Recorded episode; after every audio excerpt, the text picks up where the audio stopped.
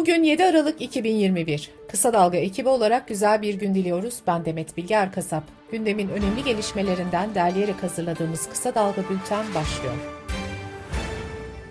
Meclis Genel Kurulu'nda 2022 yılı Merkezi Yönetim Bütçe Kanunu teklifi görüşmelerine başlandı. Cumhurbaşkanı Yardımcısı Fuat Oktay yaptığı sunumda kurda yaşanan hareketliliğin politika faizlerine yapılan indirime bağlanamayacağını söyledi.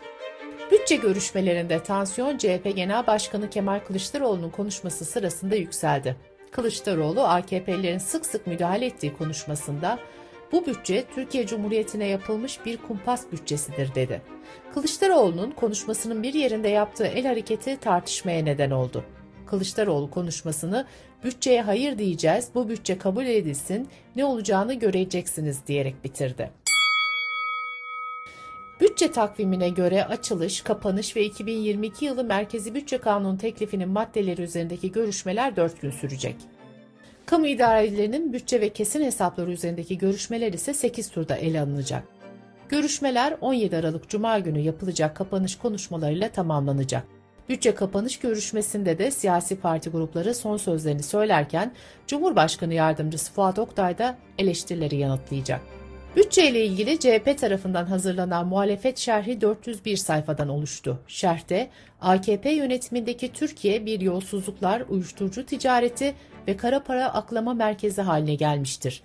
Devlet krizi çözülmeden ekonomik kriz çözülmez denildi. Şerhte ayrıca kutuplaşmanın toplumsal çatışmaya dönüşme riski var uyarısı yapıldı. HDP'nin şerhinde ise Cumhurbaşkanlığı hükümet sistemiyle demokrasi krizinin derinleştiği ve iktidarın tekerleştiği vurgusu yapıldı. Cumhurbaşkanı Erdoğan'ın Katar'a yaptığı ziyaretle ilgili El Cezire'de yer alan bir analizde organize suç örgütü lideri Sedat Peker'in Birleşik Arap Emirlikleri tarafından gözaltına alındığı ve iade edileceği iddiası ortaya atıldı. Ancak El Cezire bir süre sonra bu haberi geri çekti. Kılıçdaroğlu'nun 11 Şubat 2020'de partisinin grup toplantısında FETÖ'nün siyasi ayağı tartışmaları üzerine yaptığı konuşmayla ilgili haberlere Cumhurbaşkanı Erdoğan'ın talebi üzerine erişim engeli ve yayın yasağı getirildi. İstanbul Anadolu 3. Suç Ceza Hakimliği kararın gerekçesi olarak talep edenin saygınlığının zedelendiğini ve kişilik haklarının ağır biçimde ihlal edildiğini gösterdi. Kılıçdaroğlu'nun avukatı Celal Çelik ise haberlere erişim engeli getiren hakim hakkında suç duyurusunda bulunacaklarını açıkladı. Geçen hafta hekim ve diş hekimlerinin emeklilik ve maaşlarında iyileştirme yapılmasını öngören tasarı tüm partilerin oyuyla mecliste kabul edilmişti ancak bu düzenleme geri çekildi. Türk Tabipleri Birliği'nin açıklamasına göre yasa tasarısı Hazine ve Maliye Bakanlığı'nın itirazı üzerine çekildi. İddiaya göre itirazın nedeni olarak emekli hekim maaşlarının emekli vali maaşlarını geçmesi gösterildi.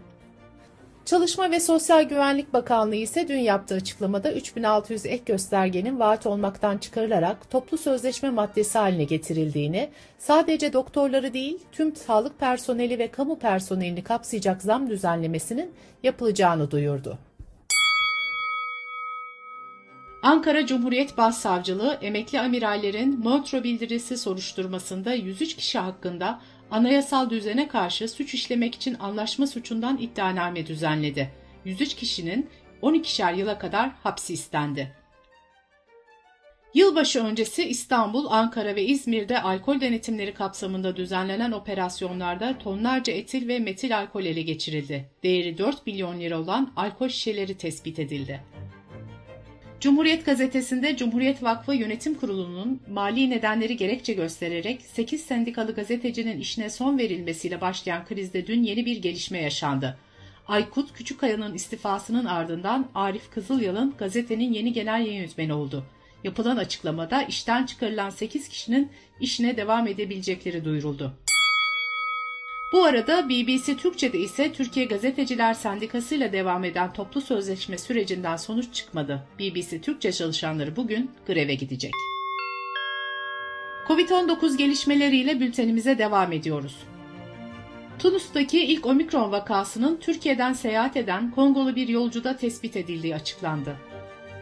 Sağlık Bakanlığı Koronavirüs Bilim Kurulu üyesi Profesör Doktor Alper Şener ise Omikron kıtalar arası dolaşıma geçti ve yakın zamanda Türkiye'de de görülmesi bekleniyor dedi. İtalya'da Covid aşısı olmayanlara birçok mekana girişin yasaklanması anlamına gelen süper yeşil pasaport uygulaması başladı. Restoran, sinema, tiyatros ve stadyumların da aralarında yer aldığı birçok mekan ve etkinliğe yalnızca süper yeşil pasaport adı verilen belgeye sahip olanlar girebilecek. Bu belgeler aşı yaptıranlara ya da COVID-19 geçirip iyileşenlere verilecek, test yaptırmak yeterli olmayacak. Kuralları ihlal edenlere 400 ila 1000 euro arası para cezası verilebilecek. Sırada ekonomi haberleri var. Cumhurbaşkanı Erdoğan Katar ziyareti öncesinde Atatürk Havalimanı'nda açıklamalarda bulundu. Erdoğan asgari ücret konusunda şunları söyledi. İşçimizi zora sokmayacağız, asgari ücret noktasında en uygun olanı masaya yatırarak nihai kararımızı vereceğiz. Sadece işçi kesiminin memnuniyeti değil, işverenin de bu kararla mutlu olması lazım. Doğrudan 7 milyona yakın çalışanı ilgilendiren yeni asgari ücreti belirleme çalışmalarında 1 Aralık'ta başlayan süreç devam ediyor. Komisyon ikinci toplantısını bugün ekonomi gündemiyle Türk İş'in ev sahipliğinde yapacak.